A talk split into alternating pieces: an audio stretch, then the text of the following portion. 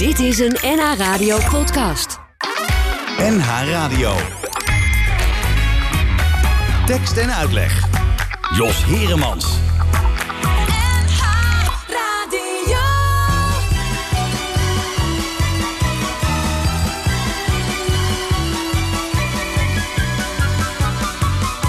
We rijden met de trojka door het eindeloze woud. Het vriest een graad of dertig, het is winter en vrij koud. De paarden hoeven knersen in de pas gevallen sneeuw. Het is avond in Siberië en nergens is een leeuw. We reizen met de kinderen, al zijn ze nog wat jong. Door het eindeloze woud, waarover ik zo even zong. Een lommerrijk en zeer onoverzichtelijk terrein. Waarin men zich gelukkig prijst dat er geen leeuwen zijn. We zijn op weg naar Omsk, maar de weg daarheen is lang. En daarom vullen wij de tijd met feestelijk gezang. Intussen gaat zich iets bewegen in de achtergrond. Iets donkers en iets talrijks, en dat lijkt me ongezond. Ze zijn nog vrij ver achter ons, ik zie ze echter wel. Het is een hele massa en ze lopen nogal snel. En door ons achterna te lopen halen zij ons in. Wat onvoordelig uit kan pakken voor een jong gezin.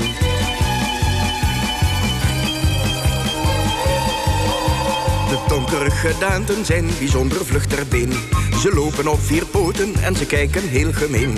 Ze hebben grote tanden, dat is duidelijk te zien. Het zijn waarschijnlijk wolven en kwaadaardig bovendien. Al is de toestand zorgelijk, ik raak niet in paniek. Ik houd de moed erin door middel van de volksmuziek. We kennen onze bundel en we zingen heel wat af. Terwijl de wolven nader komen in gestrekte draf. Het is van hier naar Omsk nog een kleine honderd verst. Het is prettig dat de paarden net vanmiddag zijn ververst. Maar jammer dat de wolven ons toch hebben ingehaald. Men ziet de flinke eetlust die hun uit de ogen straalt. We doen heel onbekommerd en we zingen continu. Toch moet er iets gebeuren onder moeders paraplu. En zonder op te vallen overleg ik met mijn vrouw. Wie moet er aan geloven, vraag ik toe, bedenk eens gauw.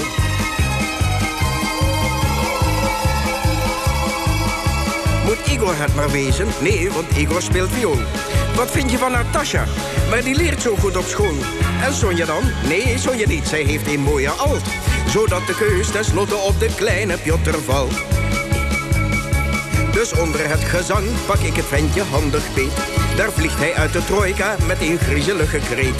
De wolven hebben alle aandacht voor die lekkernij. Nog 84 verst en oh wat zijn wij heden blij.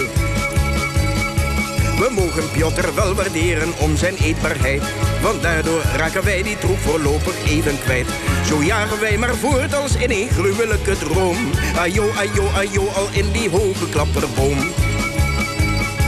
Daar klinkt weer dat gehuil en onze hoop is weer verscheurd. De wolven zijn terug en nu is Sonja aan de beurt. Daar gaat het arme kind, zij was zo vrolijk en zo braaf. Nog 68 verst en in Den Haag, daar woont een graaf.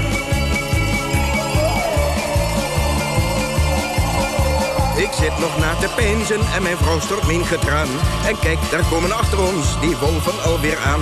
Dus Igor, het is wel spijtig, maar jij wordt geen verdioos. Nog 52 verst en daar was laatst een meisje los. Nu Igor is verwijderd, hebben wij weer even rust. Maar nee, daar zijn de wolven weer op nog in pracht belust. De doodskreet van Natasja snijdt ons pijnlijk door de ziel. Nog 36 verst en in één blauw kruid de kil. Mijn vrouw en ik zijn over, dus we zingen één duet. En als het even mee wil zitten, halen we het net. Helaas, ik moet haar afstaan aan de hongerige troep. Nu nog maar twintig vers en hoeper de poep zat op de stoep. Ik zing nu weer wat lustiger, want ons komt in zicht. Ik maak een sprong van blijdschap en verlies mijn evenwicht. Terwijl de wolven mij verslinden, denk ik dat is pech. Ja, Omsk is een mooie stad, maar net iets te ver weg. Trojka hier, trojka daar. Ja, je ziet er veel dit jaar. Trojka hier, trojka daar. Overal zit paardenhaar. Trojka hier, trojka daar. Steeds uit voorraad leverbaar. Trojka hier, trojka daar. Zachtjes stort de samovar. Trojka hier, trojka daar. Met een Slavisch handgebaar. Trojka hier, trojka daar. Doe het zelf met naald en schaar. Trojka hier, trojka daar. is dat nu niet wonderbaar? Trojka hier, trojka daar. Twee halfom en één tartaar. Trojka hier, trojka daar. En liefdadigheidsbazaar. Trojka hier, trojka daar. Hulde aan het gouden paar. Trojka hier, trojka daar. Oei, hoe suffend staat ge daar? Hier. Moeder is de koffie klaar. Kijk, daar loopt een adelaar. Is hier ook een abattoir? Trojka.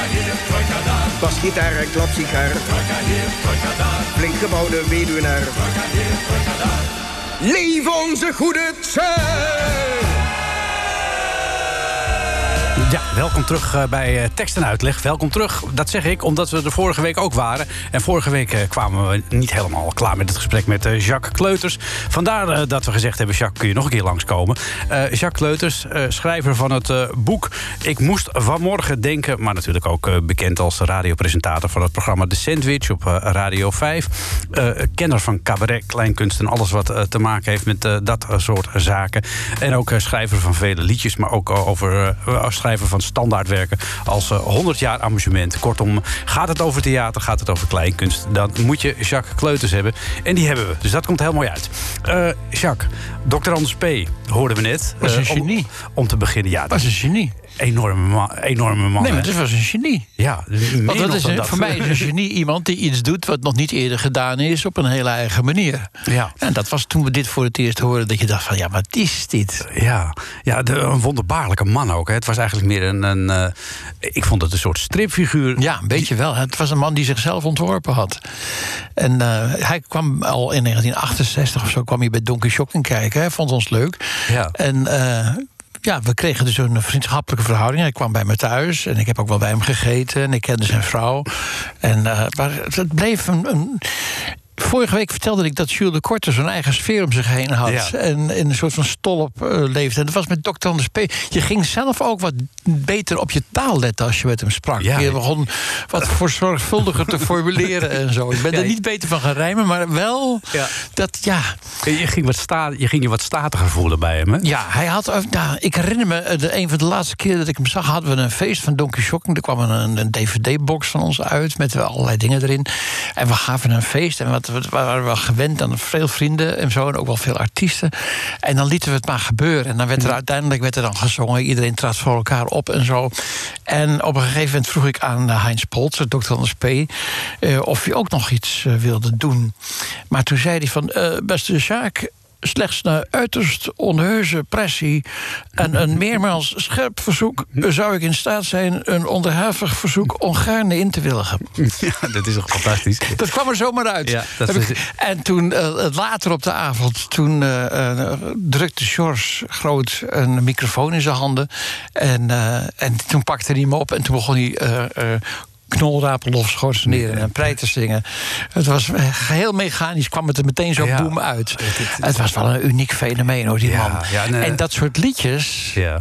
Dat werd dan, die kon je kopen. Dus als je een cabaret had en je wou een mooi liedje hebben waar de mensen om moesten lachen, dan kon je een liedje van Dr. Anders P. kopen in je programma. Ja, veel van hem gekocht of eh, viel het mee?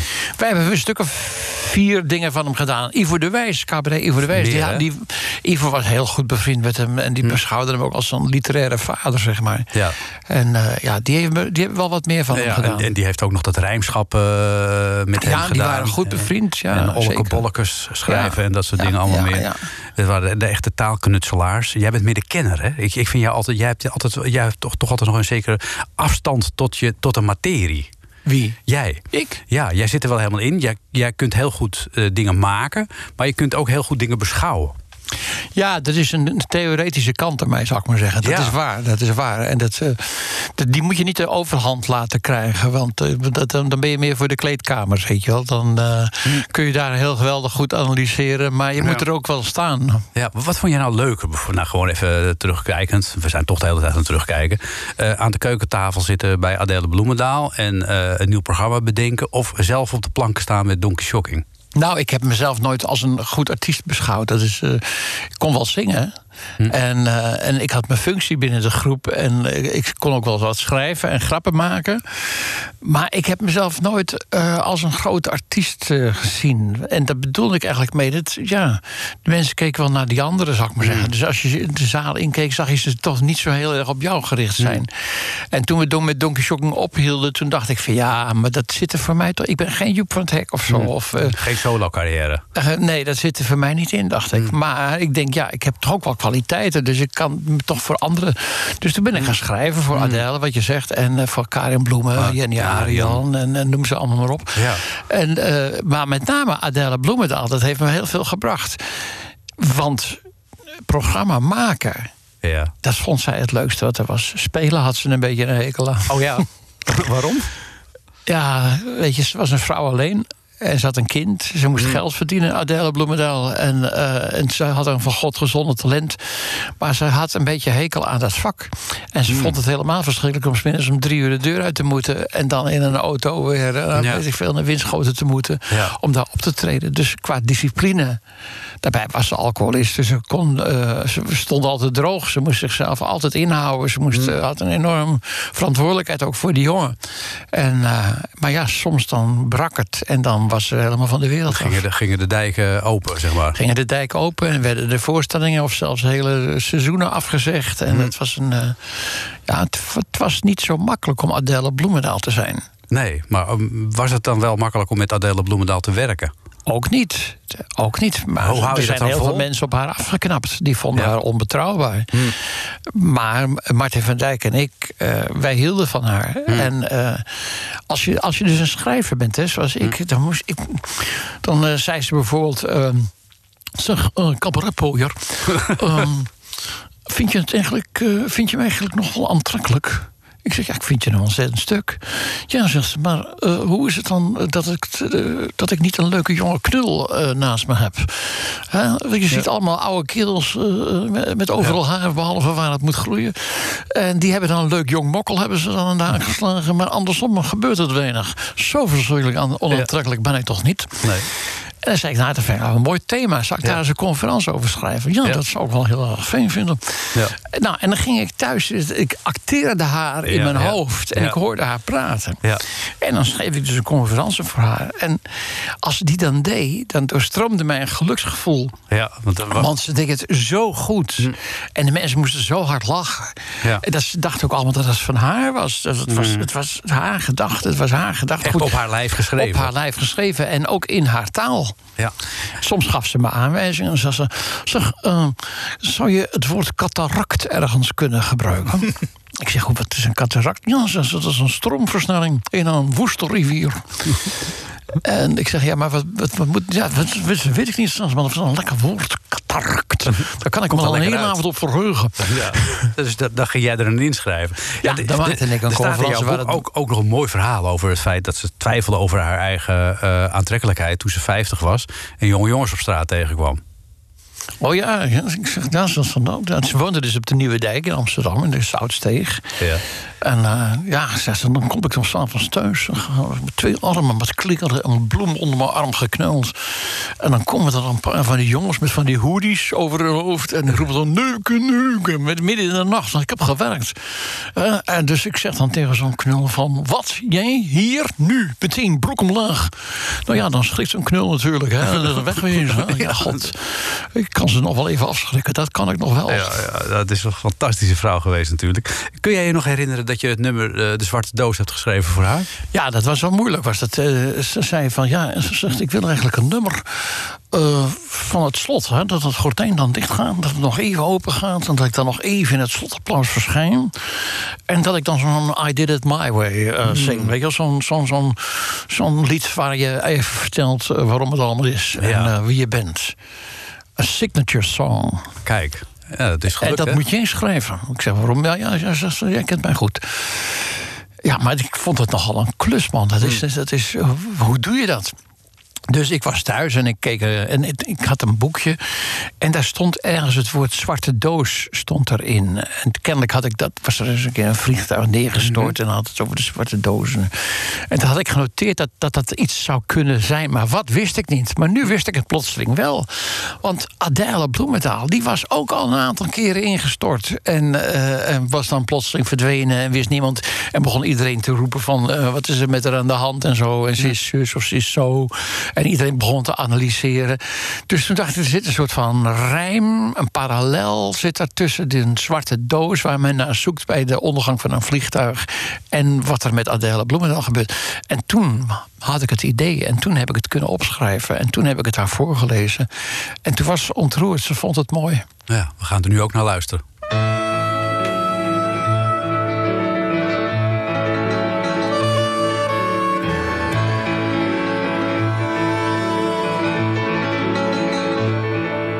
Er is een vliegtuig neergestort vlakbij een bos.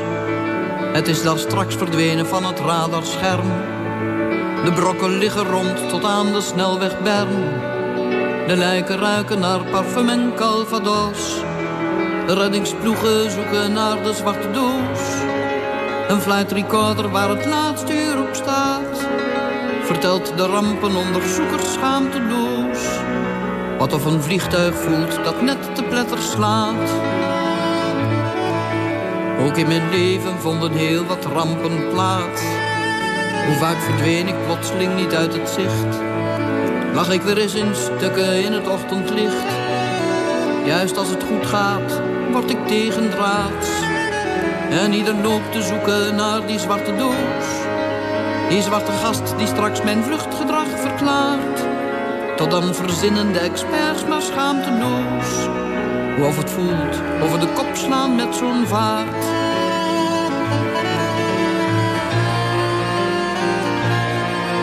Toch ben ik steeds na elke val weer opgestegen. Vloog zingend met hernieuwde kracht omhoog. Bij elk faillissement hield ik mijn ogen droog. En ook een felle brand ben ik gehard ontstegen. Nooit in het vuur gaan zoeken naar die zwarte doos. Ik wil niet weten wat mijn verklaart. Noem mij maar onbetrouwbaar en gewetenloos. Mij krijg je niet kapot,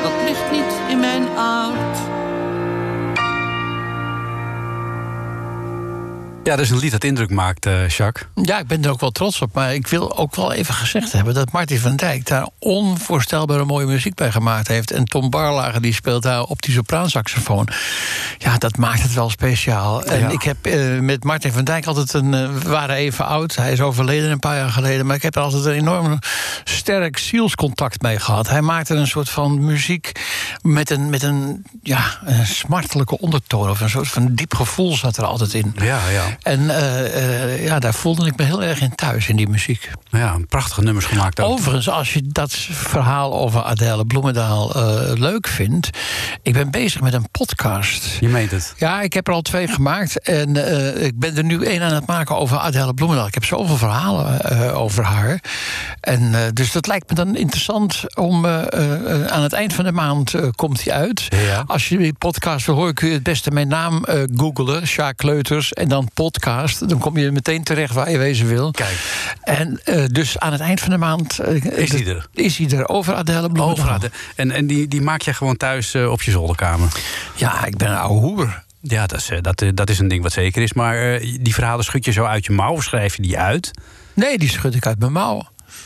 Dus je bent ook een soort conferencier eigenlijk. Nee, zo wil ik het niet noemen. Maar Oh. eh, ik, ik, ik ben wel een verhalenverteller. Ja, ja, altijd erin gezeten ook. hè? Want je zei het al Ja. eh, de vorige keer, je opstel eh, over ik de Tweede Wereldoorlog. dat is misschien wel interessant om even te vertellen. Ik zat in het Mirandabad. Mhm. Ik was een jaar of 15, 16. Er waren allemaal meisjes en zo. En er waren allemaal knullen van mijn leeftijd. En die waren met hun spierballen aan het rollen. En Mhm. balletjes hoog aan het houden en zo. En ik was verhalen aan het vertellen. En er zat een hele kring met meisjes om me heen. Kijk. En, eh, en ik was niet de, de, de, de snelste, en de, maar eh, de meest sportieve. eh, maar ik kon verhalen vertellen. Mhm. Ja. En op een gegeven moment pieste er een meisje in de, in de broek Van het lachen. lachen. Kijk, En toen dacht ik van verdomme, dit kan ik. ja. Dit kan ik. Dat- ik maak ligt mijn talent. slap van het lachen. Ja, ja, ja. ja. Dus als je terug moet naar een gebeurtenis waarvan je denkt van... kijk, toen, toen eh, drong er iets tot me door dat ik iets kon wat een ander niet kon... dan was het dat moment Ja, dat was jou- jouw lotsbestemming werd toen duidelijk eh, door, door het plassen in het zwembad. Nou, misschien op dat moment niet zo duidelijk... maar nu eraan terugdenkend weer wel. Ja, ja, grappig is dat. Omdat zo, eh, dat is dan weer typisch ook het thema van jouw boek. Hè? Voorwaarts leven, nee, achterwaarts bekijken, hè, Bekijken, begrijpen. begrijpen, ja. Ehm, we hadden het net al even over eh, de schrijvers die eh, teksten leverden voor eh Cabaret Donkey Shocking, waar je jarenlang deel van uit hebt gemaakt. Een van die mannen die ook rondzwierf op de universiteit, waar je het net ook al over had, was Hans Dorrestein. Ja. En ehm, het typerende van Donkey hè, als, je dan, als je dan toch een soort eh, indeling moet maken in cabaretgroepen in de jaren zeventig. Donkey Shocking had een eh, cynische en harde kant ook. Ja, we waren nogal een morbide humor hadden we. Ik weet eigenlijk niet of dat op dit ogenblik nog in de mode is. Maar toen was dat dan wel leuk. We het leuk gevonden.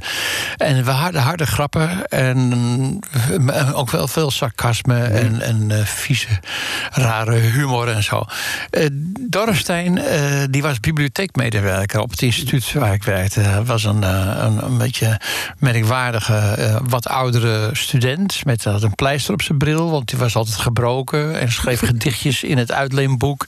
En eh, ik raakte met hem bevriend. Hij was heel erg eh, triest. Eh, kon geen meisje krijgen. En eh, hij durfde ook niks. Dan had hij weer een lied geschreven. Dan had hij een, een zangeres had hij gezien. Waarvan hij dacht van ja, maar die vind ik zulke mooie borsten hebben. Daar zou ik toch wel dat lied eh, eh, aan. maar Moest ik het aan haar verkopen? Oh ja. Dus ik werd zijn zakelijk leider. Ah, ja. Gingen we naar Herman van Veen en gingen we dan voor 50 gulden.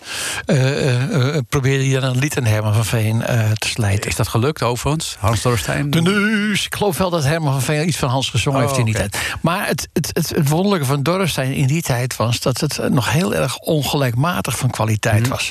Hij schreef echt rommel en soms weer een geweldig goed nummer. Mhm. Eh, terwijl Jan Boerstoel, wat ook een medestudent was, Ja. die opa's verjaardag geschreven heeft, die was al vanaf dag één strak in de vorm. Ja. Subliem, meesterwerken allemaal. Eh, maar Dorrestein heeft het echt moeten leren. Ja, die, die, die was niet zo eh metrum vast, om het zo wat te zeggen. Nee, die- dat, dat, ja, eh, dat, dat is iets in zijn, in zijn hele wezen. Dat denk maar ik wel. Harry Banning bijvoorbeeld, de grote componist... die vond dat juist heerlijk dat Hans zijn regels wat onregelmatig waren. Want dat was voor hem muzikaal een uitdaging. Ah ja, dus dan En, ben je eh, weer getriggerd. Ja, hij zei een keer tegen Dorrestein, hij zei, Hans, hij zei, jij maakt zelf ook je muziek, maar bij dat lied, hè, daar heb je muziek onder gekregen. Hoe je dat voor elkaar krijgt, ik, ik snap het niet. Gewoon erin drukken, Hans. ja, gewoon erin drukken. Eh, hoe is dat gegaan bij eh, dat, eh, dat nummer, wat eigenlijk best opzienbaarde in die tijd, de kerkhofganger? Oh god, dat ben ik al lang vergeten, dat nummer. Maar dat is, dat is overigens... Ik heb eens een keer gehoord dat Arnon Grunberg...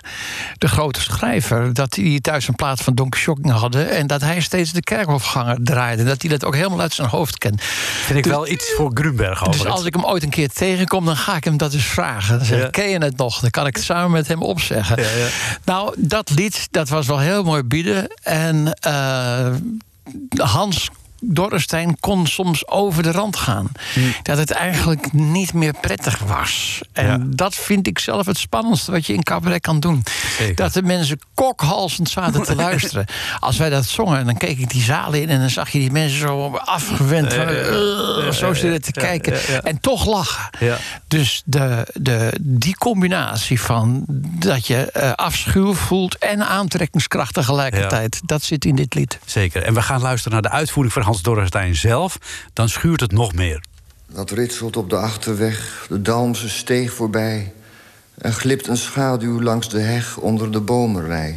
De wind kreunt in de oude eiken. Hij kan geen hand voor ogen kijken, maar de maan breekt door het wolkendek en hij klimt over de muur de gek. Het kerkhof, het kerkhof, het kerkhof bij nacht. Het kerkhof, het kerkhof, het kerkhof bij nacht. En ter verhoging van de lugubere sfeer verzoek ik u om dit refreintje met mij mee te mompelen. Ik sla de maat erbij, dus er kan niets misgaan. Dus even oefenen. Het kerkhof, het kerkhof, het kerkhof bij nacht. Het kerkhof, het kerkhof, het kerkhof bij nacht. Bij een vers gedolven graf werpt hij zijn mantel af. Hij stoort een dode in haar rust, want zie, hij bukt en bukt en kust. Bij de maan haar schaarse licht, kust hij haar marmerbleek gezicht. Dan scheurt hij zijn hemd van het lijf, bespringt de dode, koud en stijf. Het kerkhof, het kerkhof, het kerkhof bij nacht. Het kerkhof, het kerkhof, het kerkhof bij nacht. Hij rukt de kleding van de vrouw, huiverend van genot en kou. Levende vrouwen zijn hem te heet, te willig met hun lucht van zweet. Bij het kreunen van de eiken schendt hij nog een drietal lijken. Daar krast de raaf, daar roept de ouw, hij opent nog een verse kou. Het kerkhof, het kerkhof, het kerkhof bij nacht. Het kerkhof, het kerkhof, het kerkhof bij nacht. Van vrouwenlijken met lang haar breekt hij de benen van elkaar. We zien een dode half vergaan, maar daar trekt hij zich niks van aan. Haar borsten zijn al weg aan het rotten, zacht haar schedel, broos haar botten. Eindelijk komt hij hijgend af en kruipt bevredigd uit het graf. Het kerkhof, het kerkhof, het kerkhof bij nacht. Het kerkhof, het kerkhof, het kerkhof bij nacht. Voor hij huiswaarts zal gaan keren, klopt hij de maden uit zijn kleren. En na het horen van dit lied is een pedofiel zo erg nog niet. Ja, het is bijna, het lijkt wel een kerkdienst, eh, Jacques. Dit, eh, Ja, dit gebed van eh, Hans Dorrestein. Ik ben een enorme bewonderaar van Hans en ik ben heel goed bevriend met hem. En eh, we hebben veel plezier met elkaar. Het gaat hem goed. Hij heeft natuurlijk hele moeilijke periodes gehad in zijn leven. Maar Ja. hij is nu eigenlijk aan een hele fijne periode bezig. En eh, we kijken samen naar vogeltjes. Ja. Als ik ergens in de natuur ben. Oh, en- was jij, ook- jij was toch niet van de vogeltjes in het verleden? Nee, ik was van het verleden niet van de vogeltjes. Maar eh, eh, ik ging een keer met Dorrestein oh, lang weg. En toen zei hij, je moet toch een fatsoenlijke kijker meenemen. En toen kreeg ik voor mijn verjaardag van hem een mooie kijker. En eh, ja, toen ben, zijn we dingen gaan zien. Hij, hij ziet minder snel dan ik, maar Ja. hij hoort veel beter. En eh, horen is meer dan de helft van het eh, verhaal. Ja. Bij vogels kijken. En ik ben totaal geen kenner, maar ik vind het zo leuk om met die man. Want is, de- hij kraait van genoegen als hij iets ziet. Hij is heel onderhoudend Hij ook, is heel onderhoudend, hij weet heel veel.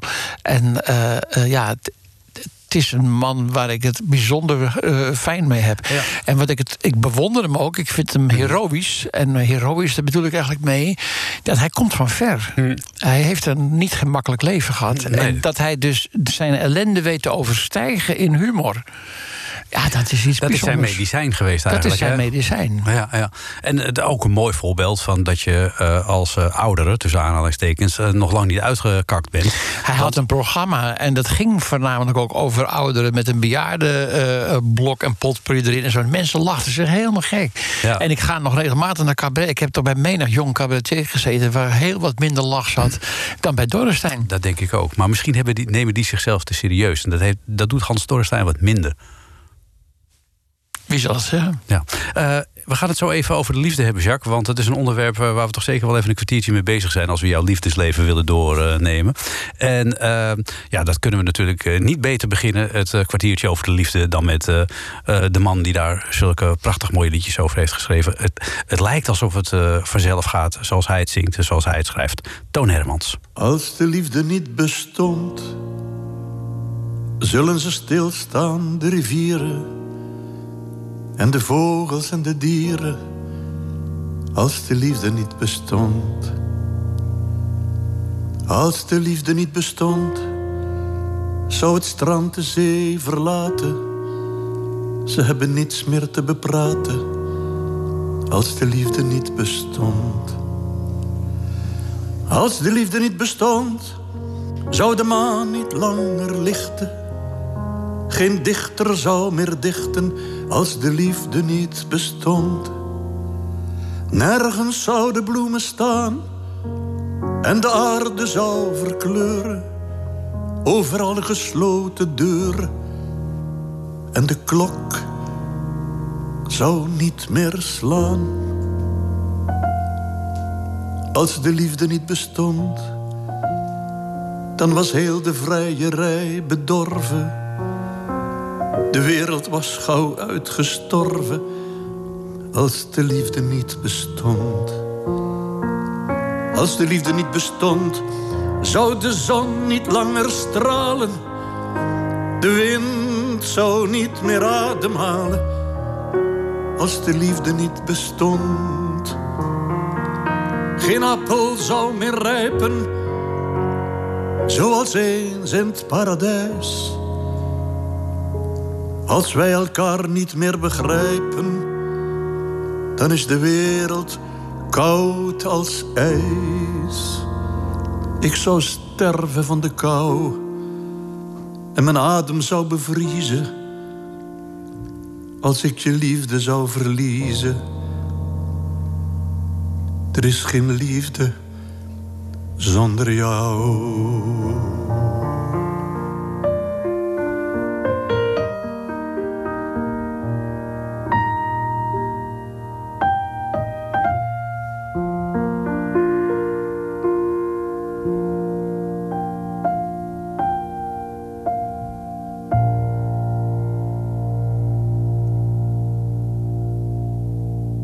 Hermans. Als de liefde niet bestond. Ja, behalve een enorme grappenmaker was Toon Hermans natuurlijk ook de man die prachtige liedjes eh, kon maken. Eh, Jacques Leuters, eh, wa- met wie we eh, deze week in, in tekst en uitleg praten, net als vorige week. Want we hadden gewoon veel meer gespreksonderwerpen dan we van tevoren hadden gedacht. Dus, eh, maar Ik nou- wil hier nog wel wat over zeggen. Dat, dat, Ja. dat- ik kwam bij Toon Hermans thuis in de jaren negentig. En hij was een oude man. En, maar zijn creativiteit was ongebroken. Hij was verdrietig, zijn vrouw was overleden. Maar er kwamen voortdurend kwamen er dus liedjes bij hem binnen. En eh, die sprak hij dan in op een, eh, op een, dictafoontje? dictafoontje. En dan kwam er weer een pianist bij hem over de vloer. En eh, dan zochten ze dat uit. En dan maakten ze een cassettebandje van. En dan kwam ik bij hem over de vloer en liet hij dat horen. Ja. En dan ging hij recht tegenover me zitten. Keek hij me strak aan. En dan draaide hij dit nummer. Ja, Ik de tranen sprongen in mijn ogen. dat kan ik me heel goed voorstellen. Ja. Tranen sprongen in mijn ogen. Ik zeg, Ja. Toon, je hebt nu iets gemaakt... dat is gewoon op het niveau van nummer Quitte Pas van Brel... Ja, of absoluut. van Cantonac l'amour. Het is echt, echt iets fantastisch. Ja, het is ook heel veel overgenomen. Diverse artiesten Het is nu dat eigenlijk een nieuwe klassieker aan Ja, het worden. Want het wordt nu door iedereen wordt het gedaan. Ja, ja, iedereen ontdekt dat dan weer. Everigens, eh, overigens voor, voor de mensen die meer willen weten over Toon Hermans. Jacques Leuters heeft ook een zeer lezenswaardige eh, biografie over Toon Hermans geschreven. Als je echt alles van die man wil weten, dat, is eh, een on- ontroerend verhaal. Niet alleen, eh, waardoor je echt achter hem kunt kijken. Dus dan moet je die maar kopen en dan lekker lezen. Want dat is een heel mooi verhaal. Maar Jacques zit hier niet voor Toon Hermans, hij zit hier voor zichzelf. Want zijn boek Ik moest vanmorgen denken is uitgekomen. En dat blikt terug op zijn leven. zonder echt nostalgisch te zijn. En je roert diverse onderwerpen aan. En we hadden het, we zeiden, we gaan het even een kwartiertje over de liefde hebben. Eh, hoe is het met de liefde gesteld? Eh, Jacques, jouw eerste grote liefde was Rini, volgens mij. Ja, ik heb drie grote liefdes in mijn leven gehad. En eh, ehm, vanaf mijn zestiende, meisje uit Amstelveen. En grote liefde. En eh heb ik twee kinderen van. Die relatie, daar ben ik mee getrouwd geweest, 1970 eh, tot 85. Dus ik ben wel een jaar of twintig met haar geweest.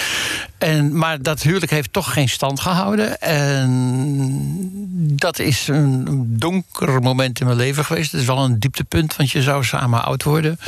En toen kwam daar plotseling een einde aan. Maar het rare is, Ja. ik word toch samen met haar oud. Want ik zie haar nog altijd. Kijk, dat is ook Met wel weer knap. kerstmis eet ik bij haar. Mijn Je kinderen komen er en eh, ze hoort nog altijd in mijn leven. Ja.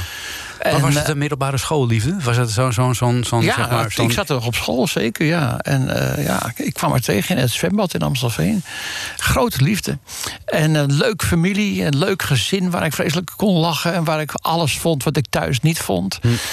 Maar goed, toen op een gegeven moment was het uit. En eh, ja, ja, toen, dat was toen wel een treurige toestand, ja. Ja. Maar kijk, dan kun je twee dingen doen. Ik, ik kon dus eh, kiezen om de bedrogen echtgenoot eh, uit te hangen... en vreselijk zielig te gaan doen.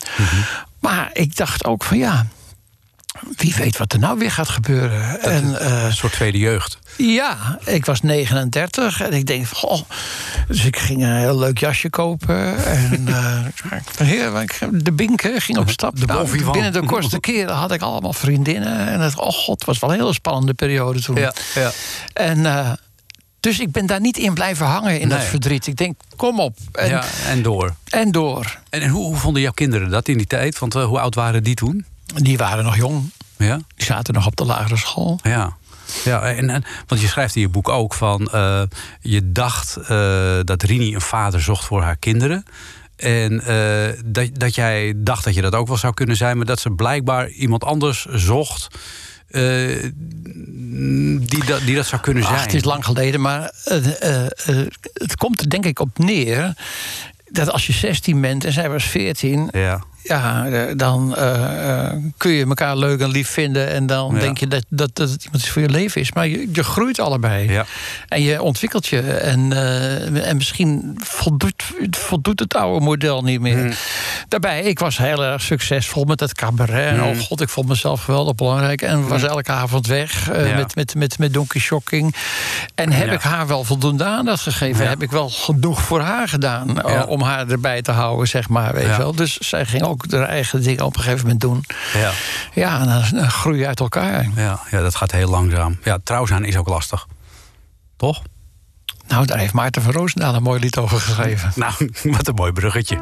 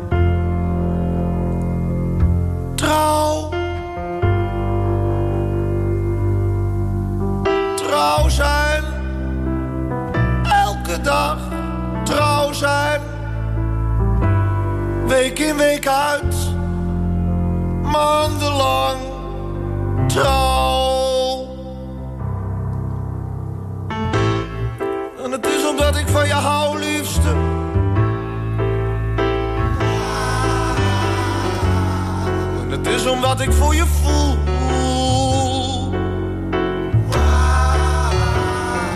En als ik al eens om me heen kijk, liefst, dan denk ik, er is er maar één. Er is er maar één, er is er maar één, er is er maar één. Trouw zijn, jaren trouw zijn, je leven lang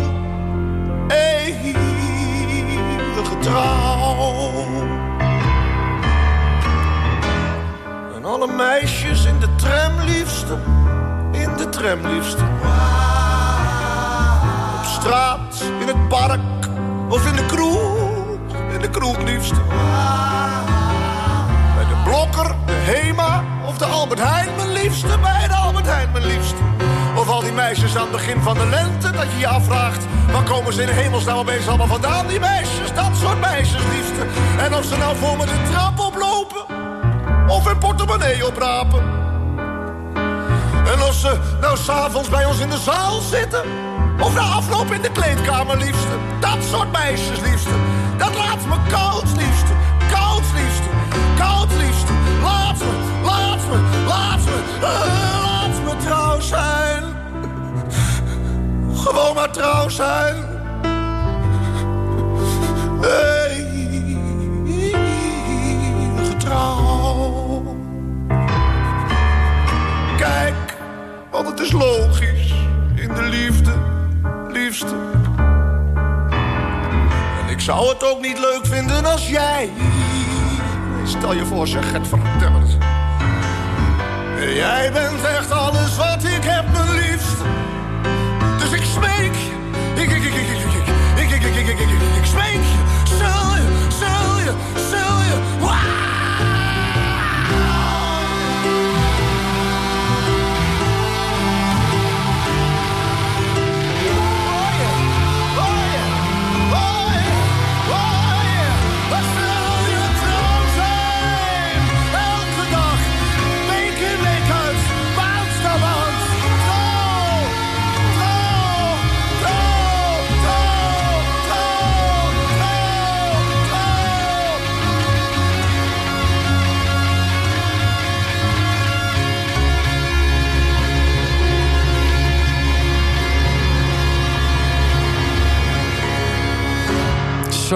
wat een lied. Maarten van Roosendaal met eh, Trouw zijn. En eh, we spreken daarover met eh, Jacques Leuters, schrijver van het boek. Ik moest vanmorgen denken waarbij hij terugkijkt op zijn eigen leven. En we waren net gebleven, Jacques, bij de liefde. De eerste liefde, je was de jaren 40. toen ging je scheiden en toen stortte je met je nieuwe blouse in, en een nieuwe jasje op nieuwe avonturen. Ja, was leuk. Was een leuke periode. En ik kreeg diverse vriendinnen. En, Diverse eh, zelfs. ja, ik geloof een stuk of drie of zo. Het was wel ingewikkeld. Was dat, ja. Mijn kinderen waren nog klein. En dan kwam er weer eentje. En dan eh, zei ze van... eh Hi, Jeannette. Ja, Joke is net weg. Eh, De thee is nog warm. Oh, wat erg. ja, eh, Dat soort dingen, ja. Ja, ja, achteraf denk je, kijk je daar met plaatsvervangende schaamte naar misschien. Nou, weet je wat het is? Als, eh, als, als mensen een langdurige relatie gehad hebben en het gaat uit, hè, dan krijgen ze wel eens een soort van knuffelbuffer. Dan komt er een vriendin of vriend op pad. eh, daar doen ze dan allemaal mee wat ze allemaal gemist hebben, zeg maar. ja. En, eh, en, maar dat is dan niet echt het zware relatiemateriaal. Ja, nee, zoals nee, dat tegenwoordig heet. Ja. Maar een knuffelbuffer. Ja, ja, ja. Die, die, die- En dus dat is een periode geweest van een paar maanden, zeg maar, of een half jaar. En dat zou- had ik ook niet willen missen. Dat was nee, geweldig. nee, nee. En toen Maar het was wel verwarrend hoor. Want de Ja. een die wilde opgetild worden voortdurend eh, Oh. en op schoot genomen worden. En de ander juist niet. dus je moest het allemaal uit elkaar zien te je, houden. had briefje- je had briefjes liggen. met, aanwijzingen. maar er was er eentje bij en die zei van ja, luister. eh, volgens mij ben ik de leukste. En eh, nou moet je maar met die andere dat uitmaken. Ja, Want eh, ik trek dat niet. nee. En dat was Lennet van En Dongen. dat was Lennet van Dongen, ja. Ja, ja, wat was de klik tussen jullie? Want eh, ja, je, je, je komt een vrouw tegen, maar je moet er ook iets in zien natuurlijk. Wat was dat? Ja, er zat iets heel diep aandoenlijks in haar. En eh, ja, dus een, een, kind met enorm veel eh, talenten en mogelijkheden en zo, maar met een donkere onderlaag. Hm, ja. Eh, was dat herkenbaar of was dat eh, juist eh dat, dat, was wel, dat, dat, was, dat was wel herkenbaar. Dat, had ik ook. Dus ik had ook een melancholieke inslag op dat moment, zeker. Ja. En, en hoe- Daarbij was het een ontzettende mooie meid. Ja, ook dat nog eens. En ze kon ook nog goed dansen en zingen en acteren. Ja, En, veel talent, ja. Ja, veel talenten. Hoe, hoe zag jullie leven eruit? Dat beschrijf je wel in je boek, maar het is zo leuk. Nou, ze was een danseres. Ze had op de Kleinkunstacademie gezeten. Daar had ik haar gezien. En eh, ze ging rolletjes spelen in de musicals. En eh, eerst was het een musical Cabaret, een amateur musical. Maar daar had ze meteen de hoofdrol in. En dat deed ze goed. Sally Ball speelde ze daarin. En toen kwam ze bij Jeans, Ja. een dansgroep, zangdansgroep, eh, die repertoire uit de jaren 50, 60 zong. En dat was de eerste Jeans. Ik geloof dat er nu de dertigste Jeans eh, eh, eh, gaande is. Ongetwijfeld, ja. Maar ja. dat was de eerste jeans. En dat was eigenlijk heel leuk. Maar dan leer je dus, eh, dan word je, ja, ga je kilometers maken. Hè? Moet je Ja. al die zalen af. En dan moet je in die bus. En dan moet je mee. En dan moet je trooper worden. En daarna kwamen er allerlei musicals op haar pad. Ik herinner me nog. Ja, met Boudewijn de Groot eh, Oh, eh, ja. zat ze in een musical, Chekhov. En eh, in Doe Maar, de musical heeft ze gezeten. Ja. Dat was een hele goede ja, musical. dat is heel leuk. En eh Mamma Mia heeft ze ook nog een Ja. tijd lang gedaan. Dus, maar ondertussen had- ze toch wel heel veel zin om een eigen programma te maken. Heb jij dat een beetje die- gepusht ook? Want jij, Nou- jij kwam natuurlijk uit die kleinkunstwereld en cabaretwereld. Heb je niet een beetje tegen haar gezegd van... weet je wat jij moet doen? Jij moet gewoon een soloprogramma gaan maken. Adele Bloemendaal die zei tegen mij van... eh, bij mij in het straatje, daar zo achter de Nieuwe Kerk... daar is mijn zoon bezig met een paar jongens... die zijn aan een En ik wist wel wat stand-up was, want dat had ik in Amerika wel eens gezien. Maar eh, eh, kom kijken. Dan ging ik daar kijken met, eh, met Lenet. En hadden we net verkering, geloof ik. En daar was Raoul Heertje. En daar was Pieter Bouwman. En er was Hans Theeuwen. En, eh, en die waren daar. En, en, en John John, hè, dus Oh ja. John Jones. En die waren daar aan stand-uppen. En. Ad- of, eh, eh, eh, Adele moest vreselijk lachen en ik moest vreselijk lachen. Het was allemaal niet zo goed. Eh, en die zei van, dat wil ik ook durven. Ja. Maar er waren geen vrouwen die dat deden. Nee, Want het was nogal heel mannelijk energie. kwam Ja. ook vanaf met veel grappen. Ja, Brigitte Kaandorp had je. Maar dat was ook niet- veel later. Ja, oh ja, dat was natuurlijk ook niet echt stand-up. dat was geen stand-up. Nee, er waren wel, waren wel vrouwen zoals Brigitte en, en Martine Bijlen en zo. Ja. eh, en Adele, die op het toneel stonden en teksten deden waarom te lachen viel. Maar gewoon als je zelf in een café gaan staan. Ja. Dat was zo ruig, was Ja, dat. En er werden zo, door het publiek ook zoveel rottige grappen gemaakt. Dat je moest wel van plaatstaal zijn Ja, om daar tegen te kunnen. Dus de meeste vrouwen hadden iets van, ja, daar begin ik niet aan. maar zij deden het. Maar Lenetti wilde het durven. Ja, en dat is ook En die gelukt. kan heel goed improviseren. Kijk, En dat scheelde natuurlijk. Ja. En dan was er nog één ding. De eerste keer dat ze dat deden, was ik bij, ging het heel goed. Moesten mensen erg lachen. Had ze een heel verhaal over haar blessures in het leven. En de tweede keer was waardeloos. De derde keer was waardeloos. Vier ging ze af als een gieter. Maar ze dacht steeds, ja, maar de eerste keer is gelukt. Dus het kan wel, maar Ja. ik doe nu iets fout. Ja. En zo heeft ze zich dat eh, verder eigen gemaakt. ja, uiteindelijk een hele ruime en eh, mooie carrière. Ja. Eh, de, eh, haar carrière ging opwaarts. Zij eh, treedt nog steeds op. Jullie liefde ging weer voorbij. Maar ik wil toch even naar het begin van die carrière van eh Lennet. Want dat maakt ook eh, wezenlijk onderdeel uit eh, van jouw leven. Een, een lied wat eh, in de tijd heel veel indruk maakte. Leren Jack.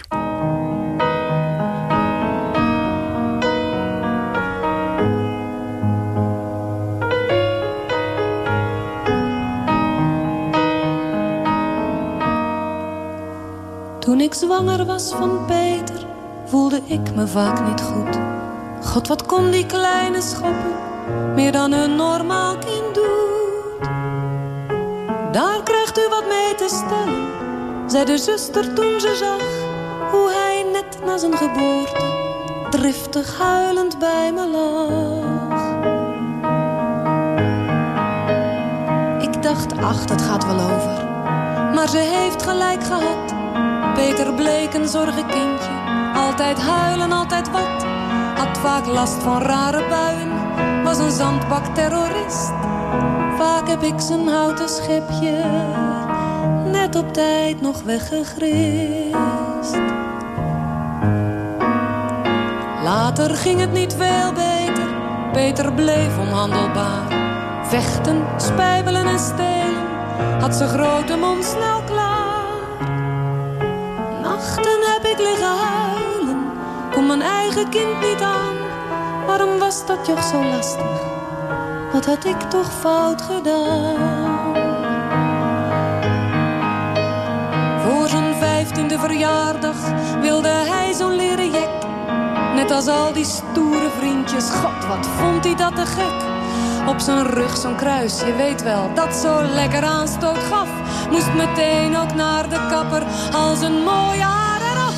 Op zijn zestiende het huis uit, veel te jong, maar niet te vroeg. Ik hield Peter niet meer tegen, ook voor mij was het genoeg. Op zijn kamer in dat kraakpand zocht ik hem nog een keer op. Maar hij was voorgoed een vreemde, met die kaal geschoren kop.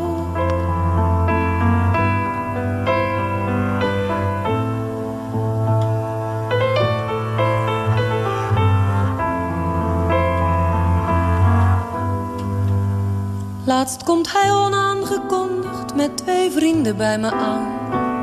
Om een slaapzak op te halen, want hij zou naar Duitsland gaan. Weet je zeker dat je zo gaat? Laat dat Jack toch liever thuis, anders krijg je daar toch ruzie. Door dat nare hakenkruis. S'avonds zet ik het journaal aan, ik had net mijn eten op. Turk door skinhead doodgestoken in een Duitse koffieshop. Kijk, de dader komt naar buiten met zijn handen in zijn nek. God, het zal je kind maar wezen. Toen herkende ik dat je.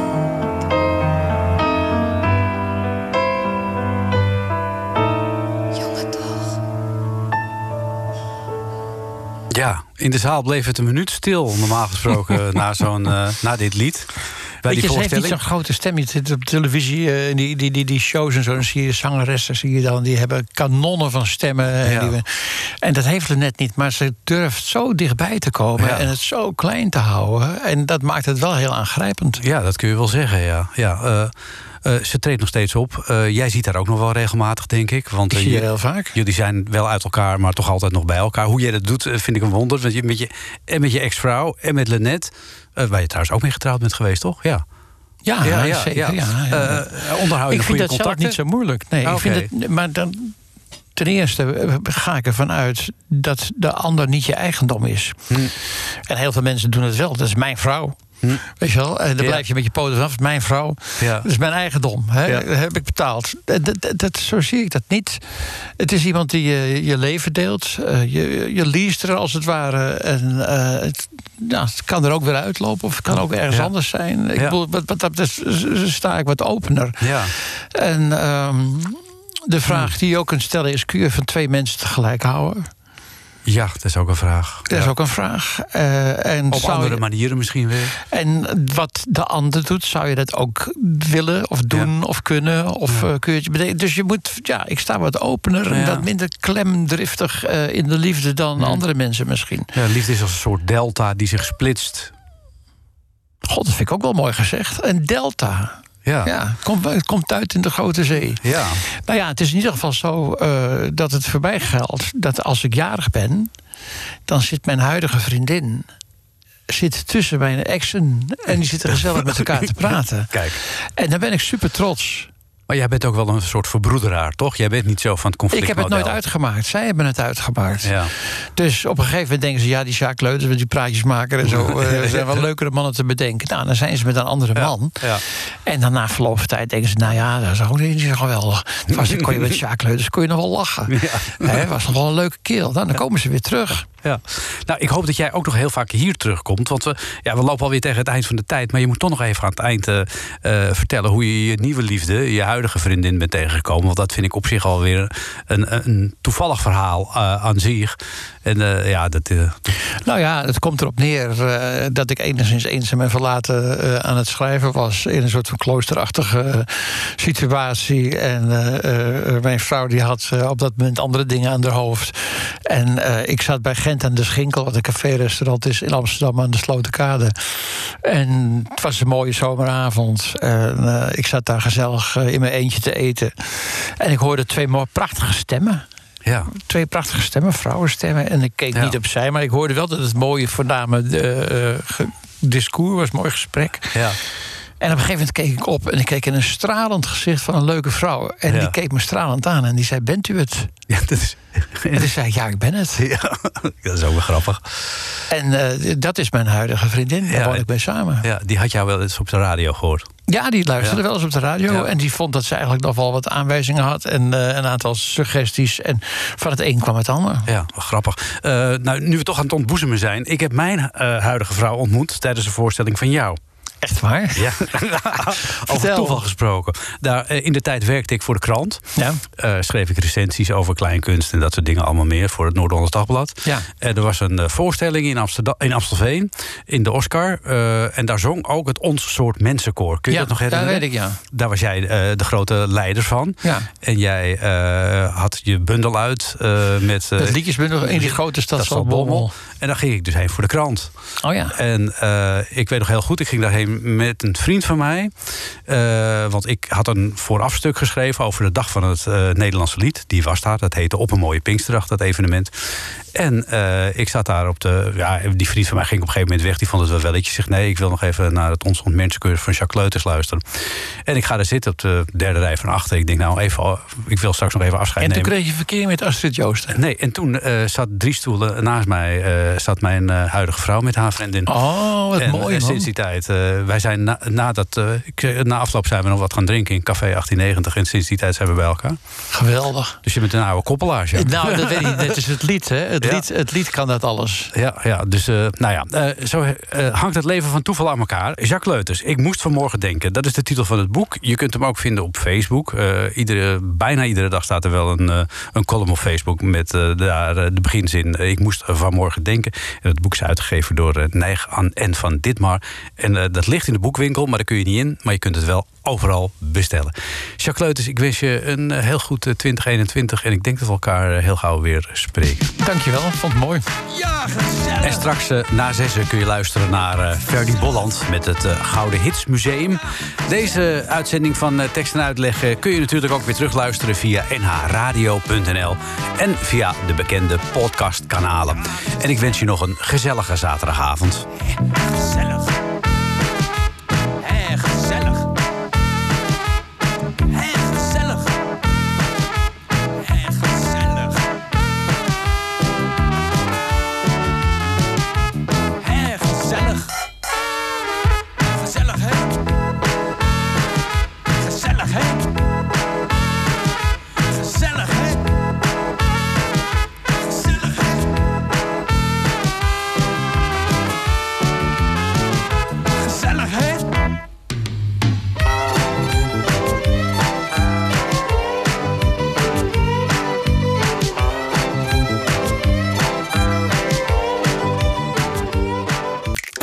Was een NH Radio podcast. Voor meer, ga naar nhradio.nl. Radio.